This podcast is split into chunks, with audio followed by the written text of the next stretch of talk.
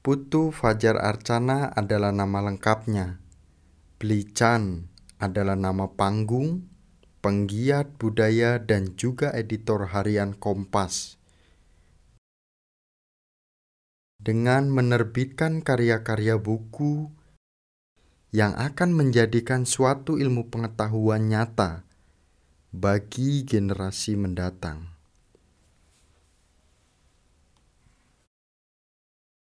Kita harus mulai memikirkan diri kita menjadi generasi yang lebih inklusif ya. Yeah. Jangan uh, menjadi eksklusif karena itu akan mengkerdilkan kita sebagai generasi uh, yang menjadi minoritas di Yeah. negara yang sangat luas ini.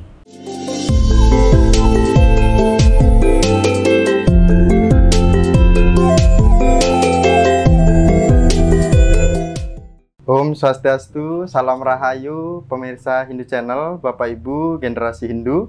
Pada hari ini Hindu Channel berkunjung ke rumah Beli Putu Fajar Arcana. Ya. Terima kasih Beli sudah eh, kasih, menyambut kita datang. pada hari ini. Kemudian Beli Putu biasa dipanggil Blican. Nah, beliau merupakan salah satu editor harian Kompas, genre sastra. Ya, Beli. betul. Nah, Beli, kenapa sih kok bisa terkenalnya itu Blican gitu kan? Ya, eh, saya penganjali umat dulu ya pada pemirsa di eh, umat Hindu Sedharma. Uh, Om Swastiastu dulu. Kalau ditanya soal Chan ini memang sejarahnya agak panjang karena sebelum saya menjadi eh, wartawan di Kompas, inisial Chan itu sudah melekat ya. Artinya memang ketika menjadi wartawan, inisial Chan itu adalah semacam singkatan ya dari Arcana. Arcana. Itu diambil di situ oleh eh, bukan saya yang memilih tapi para editor senior di media. Jadi termasuk di Kompas. Karena saya orang Bali, kebanyakan ya yang bergaul di ibu kota begitu ya. Orang kalau orang Bali kalau di, di Jawa dipanggil Mas, lalu di Bali siapa gitu supaya ada khas sebagai pembeda aja. Ya. Kemudian dipanggillah beli diisi di depannya Beli? lalu menjadi belican lama Belican. kelamaan ya. apakah itu dia mau senior mau yang junior mau yang seusia dengan anak Semua saya manggilnya semuanya Belican. panggilnya belican Nah, Blican ini tinggal di Bintaro. Udah sejak kapan nih, Beli? Bintaro sudah lama Sudah hampir ya 20 tahun ya, sudah di sini Hmm. Beberapa kali pindah tem- pindah rumah sih jadi ini Berarti yang ini sering-sering pindah-pindah, cuman secara kerjaan konsisten ya, Beli? konsisten di jurnalis Eh, jurnalistik ya. jurnalis. jadi Berkaitan dengan budaya sama sastra itu ya, Beli? eh, tidak selalu ya Tidak selalu. ketika saya misalnya ditugaskan di Jogja sebagai salah satu pimpinan di biro sana di Hmm. Kompas, ya saya harus mengerti semua persoalan. Jadi tidak hanya persoalan budaya dan kesenian gitu, tetapi persoalan-persoalan politik, ekonomi, bahkan saya menjadi editor ekonomi di sana Hmm, ya, di Jogja. Ketika di Malang juga begitu. Jadi pernah tinggal di Malang, Jogja, Jakarta bolak-balik kemudian gitu di Kalimantan. Maka semua persoalan hampir semua persoalan bangsa gitu ya harus didalami eh, terus menerus karena itu bidang liputan kita di daerah. Nah, eh, Bican, tapi kalau misalnya kita lihat secara eh, di media sosial, bahkan sudah Blican itu udah dikenal Betul. khususnya di masyarakat gitu kan berkaitan dengan budaya dan sastra. Ya. Nah, eh, background sama Bli itu lebih menekuni ke sastra sama budaya itu kenapa lebih ke arah situ Bli? eh, ada dua tinjauan ya. Jadi satu mungkin jalur informal karena bapak saya juga seorang sastrawan ya, Iya. sastrawan tradisi. Beliau menekuni kakawin, ya. terus kemudian ilmu-ilmu astronomi, Hmm, hmm, sangat fasih soal-soal itu.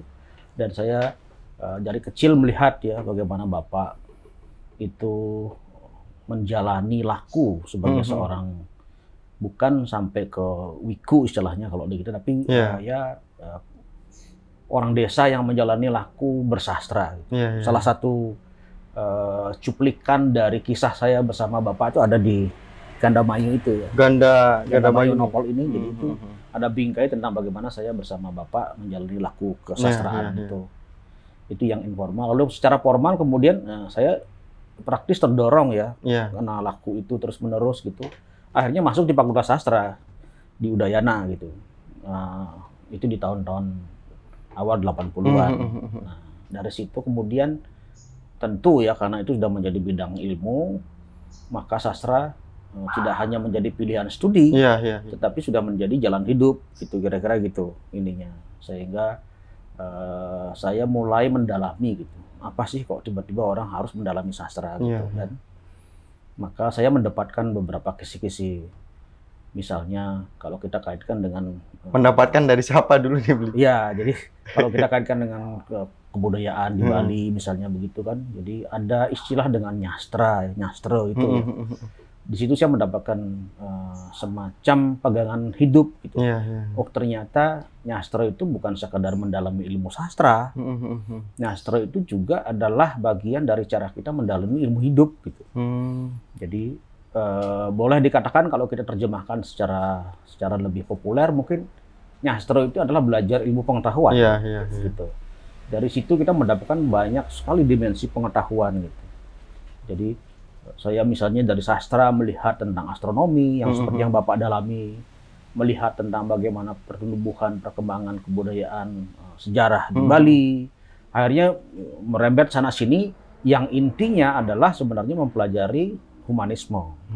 Eh, beli ini kalau misalnya secara background orang tua pun beli sudah mengikuti gitu kan. Nah, beli itu lebih ke apa sih yang dilihat kok bisa orang tua saya seperti ini gitu memang atau kesuksesannya atau jarang orang yang memiliki eh, latar belakang seperti ini. eh sampai sekarang mungkin di Bali masih termasuk langka ya. Hmm, hmm, hmm. Artinya kalau seseorang mendalami ilmu sastra atau dia nyastro Iya, iya. dalam bahasa Balinya ya, itu artinya dia sudah menjadi eh, cendekiawan, Hmm, hmm, jadi hmm, hmm. intelektual di tingkat lokal kadang Iya. begitu. Dia menjadi tempat atau simpul bertanya tentang banyak hal. Hmm, hmm, hmm. tidak hanya tentang ilmu sastra tentu saja, tetapi tentang misalnya dua so ayu, dua so guruk gitu, Mm-mm. dua so kemudian eh, bapak juga dari situ mendalami laku ya setengah menjadi balian dukun gitu ya Hmm. untuk anak-anak hanya karena dia kebisaannya eh, mendalami ilmu astronomi lokal secara Ah, tradisional iya, iya, itu. iya. Jadi dari situ saya mengambil eh, semacam bukan kesimpulan ya, semacam peneropongan terhadap Mhm. apa masa depan saya kayaknya di sini nih. Iya. Eh, bahwa kemudian saya melompat ke sastra modern itu karena mungkin ya pergaulan Hmm. upaya semacam kontekstualisasi ya terhadap ilmu-ilmu yang saya dapatkan di tingkat formal tadi kemudian di tingkat eh, lokal dan informal dengan Nah, berarti itu. Beli Chan kalau misalnya di tingkat formal maupun dari dasar itu beli Chan udah di udah udah ada mindset atau udah ada gambaran oh saya pasti akan menekuni tentang sastra nih atau seperti apa yang ada di sudah Pribadi sudah. itu sejak ada momen-momen kecil lain ya Hmm, yang membuat Kejadian yang- saya menjadi tertantang Eh. gitu jadi satu karena bapak itu ya. Kemudian pada saat eh, saya sekolah SMP dan SMA, selalu nilai katakanlah nilai sastra bahasa Indonesia saya jelek selalu. Lah, jelek tapi bahkan bahkan guru ya Iya. selalu tuh eh, sekanya- semacam menstigma saya gitu. Hmm. Setiap masuk tapi bukan misalnya- dendam ya beli ini. bukan, Bukan, jadi setiap masuk eh. kelas itu guru selalu nyorot nunjuk saya gitu di SMP ya. Mm-mm. Bahkan dilempar kapur gitu. Kemudian dicoret-coret jidatnya gitu. Kamu tuh kok jadi paling bodoh sih di kelas gitu. Dalam hal pelajaran bahasa. Indonesia. Nah, itu menjadi pelecut gitu. Iya. Saya suatu hari harus membuktikan bahwa saya bisa Hmm, dengan pelajaran satu ini. iya. Itu sejarah yang Itu satu kelas beli sendiri atau sendiri, Wah. sendiri selalu. Bahkan dihukum lari di lapangan basket. saya ingat betul ya. Namanya gurunya ada, masih saya masih ingat sampai sekarang. Hmm, Nah, begitu saya masuk kemudian di Fakultas Sastra Hmm, hmm, hmm. di Udayana di semester 5 kalau Iya, tidak iya, salah iya. ingat. Saya kemudian bersama teman-teman di Negara ya Hmm, hmm. eh, diminta menjadi pembicara eh, dalam satu forum Hmm. mengenai puisi. Karena Hmm. saya pelajaran sebagai eh, orang sastra kan salah satunya belajar tentang ilmu puisi. Hmm, hmm, hmm.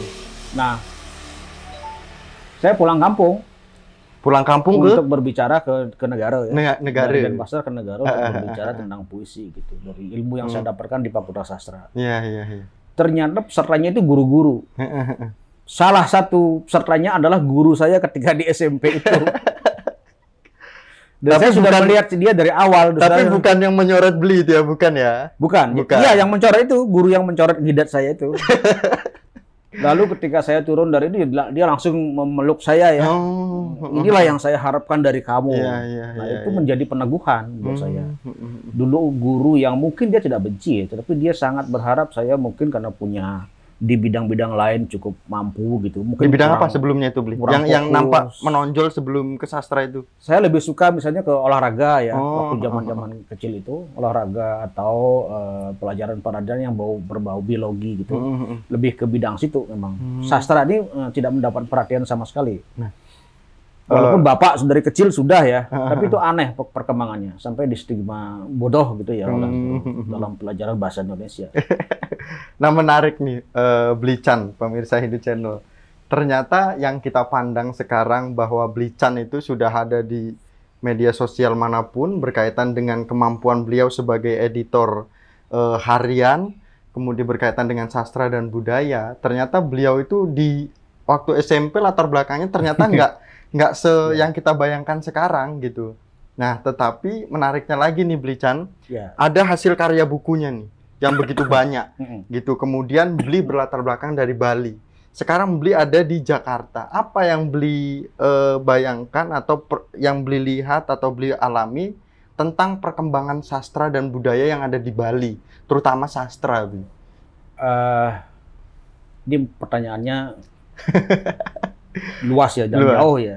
Eh, walaupun saya tinggal di Jakarta, tetapi dalam bidang sastra ya, Iya. saya tuh lahir dari dari Bali. Mm-mm. Jadi dalam satu generasi yang dibimbing atau dibina oleh namanya penyair Umbu Landu Paranggi. ya. Mm-mm. Nah, beliau sekarang sudah setahun ini sudah meninggal, asal dari Sumba dan dulu Dari Sumba. Nah dari Sumba Hmm. dan dulu mendapat julukan Presiden Malioboro dengan Hmm. murid-muridnya seperti MH Anu Najib.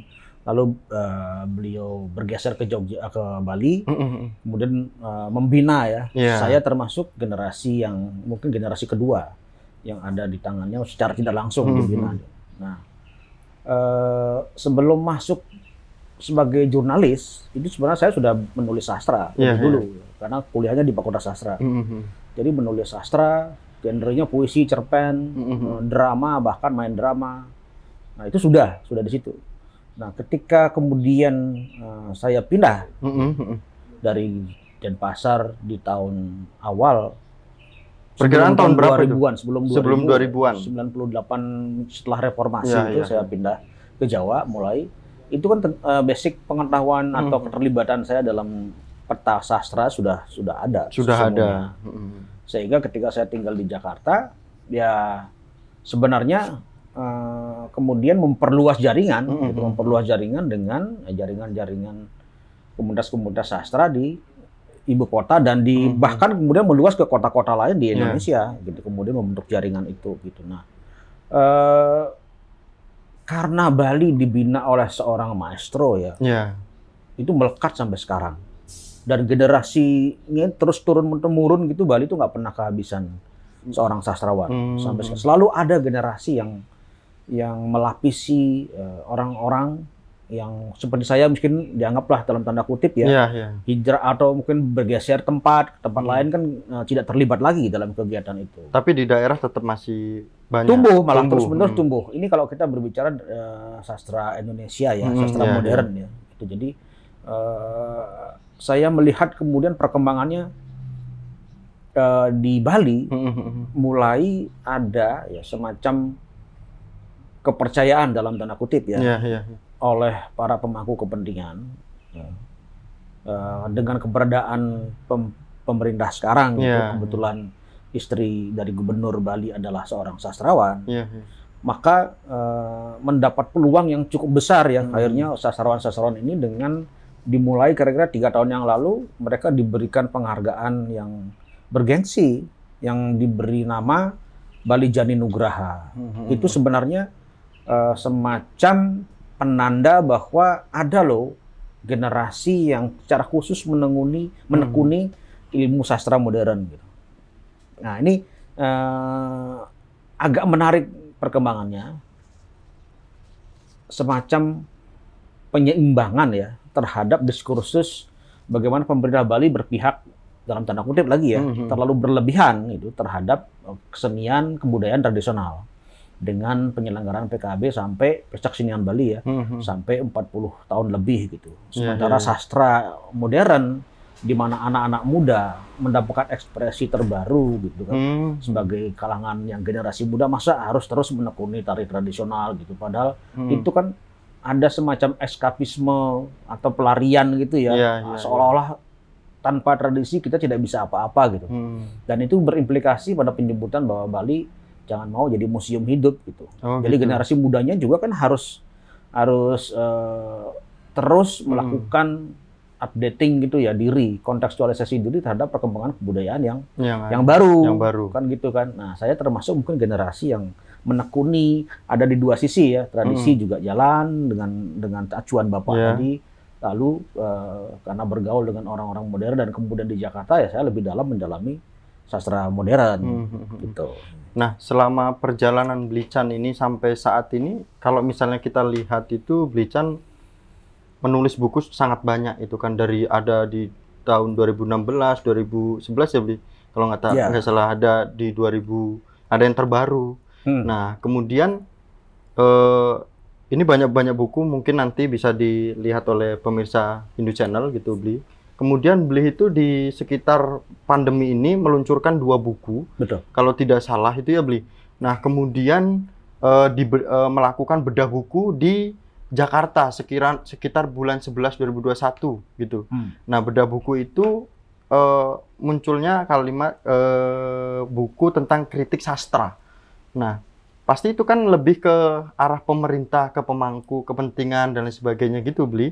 Nah eh, bedah buku itu kritik sastra itu menurut beli itu seperti apa ke pada pemerintah gitu khususnya beli. Eh, itu sebenarnya agenda dari eh, Badan Bahasa ya. Hmm. Saya sebenarnya menjadi salah satu juri dari anugerah eh, sastra Ya. kepada para sastrawan di tanah air ya dalam kategori kritik sastra. Di situ ada kategorinya ada eh, anugerah cerpen ya puisi, kemudian novel, drama dan salah satunya adalah kritik sastra. Hmm. Eh, kritik sastra adalah genre sastra yang paling dianggap ya Hmm. paling dianggap uh, sulit lahir penulis-penulis karena genre ini nyaris tidak mendapatkan tempat di di media massa. Hmm. Jadi biasanya hanya dikerjakan oleh uh, para akademisi di kampus. Akademis. Jadi saya salah satu jurinya bersama dua juri lainnya tentu saja. Itu cukup Nah. eh, partisipasinya lumayan ini ya beli. Uh, selalu di stigma pada awalnya kritik sastra itu paling pesertanya sedikit lah, 10 Hmm. paling 10 karena buku ya. Paling 10 buku, 20 buku. Nah, ternyata pesertanya sampai 40. Wih. Jadi kebayang dalam satu bulan saya harus membaca 40, 40 buku, buku. setebal-tebal ini untuk kritik sastra. Hmm. Dan itu harus harus tuntas ya. Itu Iya. di masa pandemi beruntungnya di masa pandemi karena lebih banyak waktu di rumah. Hmm. Nah, saya harus menuntaskan itu. Lalu eh, divisi lain di Badan Bahasa itu melihat karena saya jadi juri, Hmm. maka mereka punya lomba kritik sastra sebelumnya ya. Ya ya ya. Lalu saya diminta menjadi eh, pembedah buku yang mereka hasilkan, Hmm. kumpulan kritik sastra eh, dari para penulis sastra di penulis kritik sastra di Indonesia. Itu Hmm. kira-kira ada 20-an orang ya di dalam buku itu dan saya berbicara tentang betapa sebenarnya eh, ilmu kritik sastra itu adalah ilmu yang sebenarnya dibutuhkan dalam Iya ya. dalam eh, konstelasi kebudayaan dan kesusastraan kita di Hmm. tanah air gitu. Karena eh, untuk apa misalnya buku-buku sastra seperti ini gitu, nah, Iya. ditulis ya tanpa ada kritik itu semacam apresiasi ya. An- apresiasi lebih dalam gitu dengan keilmuan. Nah, kemudian beli di dalam buku yang beli sebagai juri itu ada nggak eh, apa yang harus dilakukan oleh pemerintah dan kepentingan eh, pemangku kepentingan Hmm. tersebut itu ada nggak Hmm. bayangan beli yang harus dilakukan oleh pemerintah gitu? Salah satunya mungkin ya memang eh, sebagai eh, stakeholder Hmm, yang berkepentingan terhadap pertumbuhan dan perkembangan kebudayaan pada umumnya ya, dan kesusastraan ya menjadi katalisator. Hmm. Jadi memfasilitasi berbagai eh, ekspresi ya. yang muncul di tingkat eh, tingkat para pekerja kreatif Iya, iya, ini iya. gitu kan. Salah satunya memang eh, saya meng- harus mengapresiasi ya Badan Bahasa yang menyelenggarakan eh, kompetisi. Ya, ya. Tapi tentu tidak hanya soal itu ya tidak cukup. yang paling urgent sebenarnya dilakukan eh, mengajak para sastrawan yang begitu banyak ini sekarang Hmm, gitu untuk misalnya berbicara di forum-forum yang eh, difasilitasi oleh pemerintah Hmm. lewat badan bahasa tentu saja. Lalu eh, sasaran pertamanya bukan kepada murid-murid tetapi guru-guru Kenapa harus ke karena guru? eh, dia kan yang menjadi agent untuk eh, penyebaran nilai-nilai Hmm. sastraan kepada murid-muridnya ya. Ya, ya, ya. Eh, banyak sekali guru-guru di daerah itu yang tidak punya cukup bekal ya untuk mengajar eh, sastra. Hmm. Mereka- Berarti yang disasar sebenarnya itu daerah yang disasar Di daerah. atau keseluruhan? kesenjangannya karena terlalu jauh ya. Heeh. Padahal dari sastra kita kan berharap eh, murid nantinya gitu Hmm. mendapat eh, nilai-nilai tentang bagaimana hidup ya, toleransi, Hmm, kemudian eh, bagaimana kita hidup di, di Indonesia sebagai negara yang multikultur. Hmm, Nah, pelajaran-pelajaran semacam ini itu akan sangat lebih melekat kalau disampaikan lewat sastra. kita lihat dari eh, pengalaman Bli berkaitan dengan dan kejadian-kejadian tentang waktu dulu Bli menjadi generasi Hindu. Nah, tentu saja saat ini apa yang harus dilakukan oleh generasi Hindu agar eh, hal yang berkaitan dengan budaya dan sastra ini kemauannya begitu tinggi. Harusnya seperti apa kalau generasi Hindu itu? Ya, ini mungkin ini pertanyaan paling penting ya. Nggih. Walau bukan berarti tadi tidak penting ya, tapi ini pertanyaan paling eh, yang sebenarnya ingin saya jawab. Nah, eh, kita harus mulai memikirkan diri kita menjadi generasi yang lebih inklusif ya. Iya. Jangan eh, menjadi eksklusif karena itu akan mengkerdilkan kita sebagai generasi eh, yang menjadi minoritas di Hmm. negara yang sangat luas ini. Dan itu penting, sikap ini dulu dasarnya. Sehingga eh, sikap-sikap inklusif ini itu akan menjadi modal penting ya di dalam eh, proses kita kemudian berbangsa dan bernegara kan itu dasarnya ya. Nah, apa yang bisa kita petikan pertanyaannya gitu sebagai orang yang eksklusif apa yang banyak tentu saja. Artinya sikap-sikap lentur, dinamis, keluasan sebagai generasi Hindu itu sangat dibutuhkan di masa seperti sekarang. Bukan artinya permisif kita harus menerima semua Iya, nilai iya, ya. Bukan itu yang saya maksud. Tetapi eh, sikap inklusif ini akan membuat ya, secara tidak langsung eh, memudahkan kita dalam menjalin pola relasi dengan dengan umat lain, Iya. dengan generasi lain yang berbeda agama dari kita, sehingga kita terus-menerus akan memperkaya diri. Nggih, nggih. Eh, itu penting di dalam eh, pola pergaulan, sehingga kita memiliki pikiran atau cakrawala berpikir yang uh, makin lama makin luas. Uh, eksklusivitas itu hanya akan mengkerdilkan diri sendiri iya, dan uh, bagi kita semakin kita eksklusif semakin tertinggal Nggih. dari uh, perkembangan diskursus misalnya debat-debat di dalam uh, di dalam uh, apa dalam politik kita misalnya pengambilan keputusan yang penting gitu kalau karena kita eksklusif maka beberapa peng- apa keputusan-keputusan penting mungkin kita tidak bisa didebatkan. Iya, iya, iya. Nah, karena hal ini kan juga kita harus eh, harus terus-menerus kita sadari gitu. Nggih. Nah, poinnya adalah bagaimana kita sebagai generasi mulai saat ini dan seterusnya harus menjadi orang, menjadi generasi yang mampu mengakses ya Nggih. seluruh perubahan yang terjadi di dunia dan di negara kita. Itu penting. Karena apa? Kalau kita bisa mengakses, artinya kita bisa eh, ikut berperan Nggih. dalam wilayah.